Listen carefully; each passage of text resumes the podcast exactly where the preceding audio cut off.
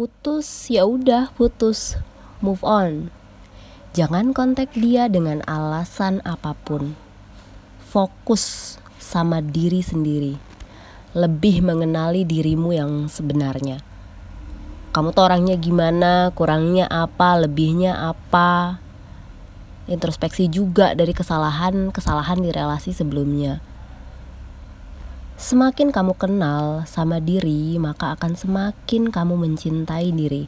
Dan harapannya, semoga kamu jadi lebih siap saat nanti akhirnya kamu mengenal orang baru dan cinta yang baru. Sekarang banyakin main sama teman-teman yang selama ini sebenarnya selalu ada buat kamu ya biar kamu gak ngerasa kesepian setelah akhirnya sendiri lagi. Katanya teman baru dicari kalau udah single. Itu bener. Tapi ya mau gimana? Hmm, mulai perluas circle lagi perbanyak kegiatan lakuin hal yang nambah pengalaman bikin happy dan nyaman.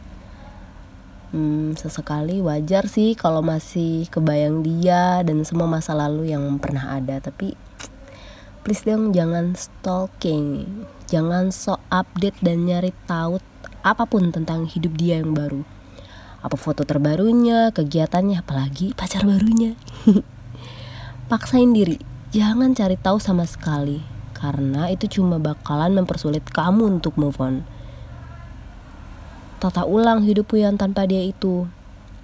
Buat rencana-rencana baru, jangka pendek, jangka panjang. Yakinlah, kamu pasti bisa. Terakhir, terpenting, maafkanlah dirimu sendiri atas segala yang telah terjadi. Baru setelahnya, kamu akan bisa memaafkan dia atas segala yang udah dia lakuin, terutama atas hal-hal yang nyakitin nggak perlu sibuk mikirin apakah kamu akan dapat seseorang yang lebih baik dari dia tapi pikirin aja gimana caranya memaafkan diri sendiri dan dia? Biar lega biar hidupmu damai biar kamu nerima keadaanmu yang baru